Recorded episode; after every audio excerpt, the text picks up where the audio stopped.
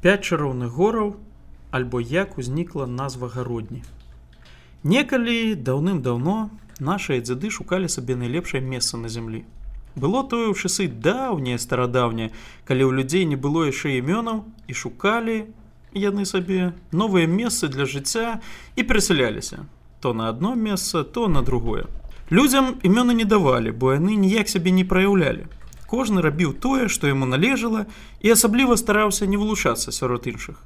Цішэй будзеш больш працягнеш гэтак у тыя часы думалі людзі. А ў наваколяў назваў імёнаў не было зусім.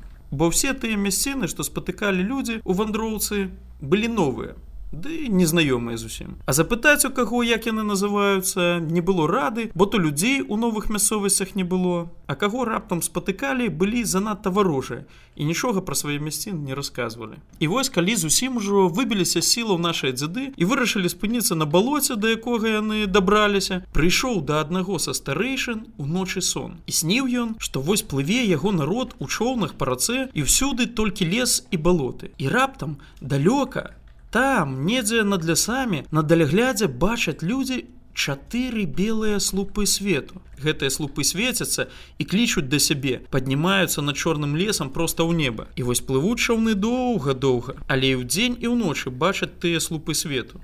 І вось аднойчы на досведку бача, што першы слуп свету сыходзіць ад гары, якая знаходіцца на правым беразе ракі, а за паваротам ракі яшчэ тры гары і найбольш яркі свет сыходзіць ад трэцяй гары. Падняў тады старэйшы на ўсіх сваіх людзей і сем'і іх і расказаў ім пра свой сон. І вырашылі людзі, што сон прарошы і што паказвае ён, дзе знаходіцца іх пракаветная зямля і дзе яны нарэшце набудуць спакой. Сабраліся яны тады з апошнімі сіламі і паплылі далей. Доўга яны так плылі.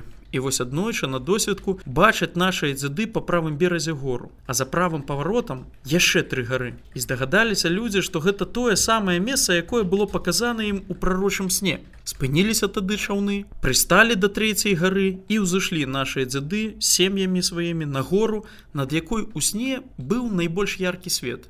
А вакол бачаць толькі лес ды пушча непралазныя. І раптам бачаць пятую гару, якая была схаваная за тымі чатырмя гарамі, што стаялі на самым беразе. А на той пятай гарой лунае на сілу бачны чырвона-чорны свет. Спалохаліся тады людзі таго свету і пачалі былі ўжо казаць, што трэба кінуць гэтае месца, ды плыць далей, але Узгадалі пра сон і зразумелі, што нездарма ім дадзена менавіта гэтае место пяці гораў і што само месца неяк праявіць сябе, альбо дасць людзям праявіць сябе падумалі і засталіся.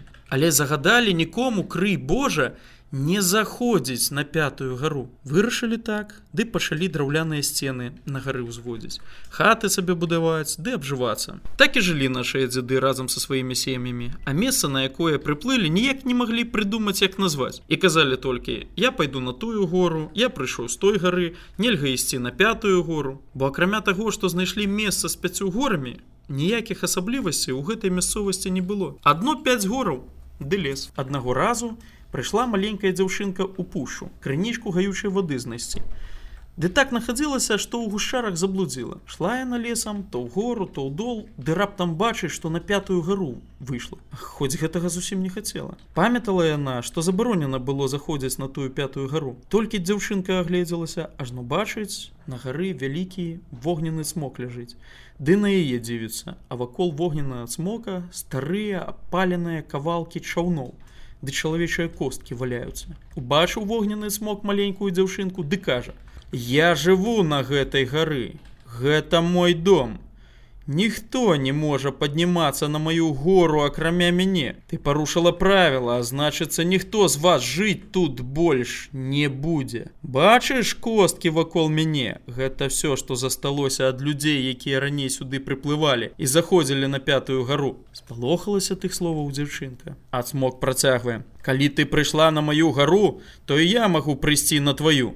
За тое, што ты патурбавала мяне на маёй пятай гары, Сёння ўночы я прыйду на гору, дзе вы спыніліся, каб усіх вас з'есці. Самаркоцілася тады дзяўчынка, але не за сябе яна баялася, за тых людзей, якія былі на сярэдняй гары і не ведалі нічога. За сваіх суродзішаў яна баялася і вінаваціла ў тым, што здарылася толькі сябе. Тады вырашыла дзяўчынка папярэдзіць людзей і кінулася бегшы, што было сілу з пятай гары ўніз. Ацмок як дунуў чорным дымам так дзяўчынцы вочы і заплюшыў.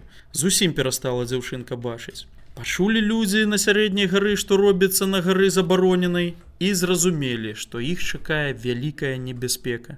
І зрабілі так, як заўсёды рабілі. Сцішыліся, разбегліся па сваіх хатах і пачалі чакаць, што будзе. А дзяўчынка шла ішла шла ішла ў гушары каб прайсці на сваю гару але нічога не бачыла і ад гэтага зусім заблудзіл і так крыўдна стала малейшы што яна людзей подвяла і галоўнае што нічога зрабіць не можа каб дапамагчы сваім родзічам. Села яна ля паваленага дрэва ды пачала плакаць. І так яна пачала плакаць так шмат слёзак пачало ліць што ўтварыўся спачатку маленькі рушаёк а пазней цэлая рэчка.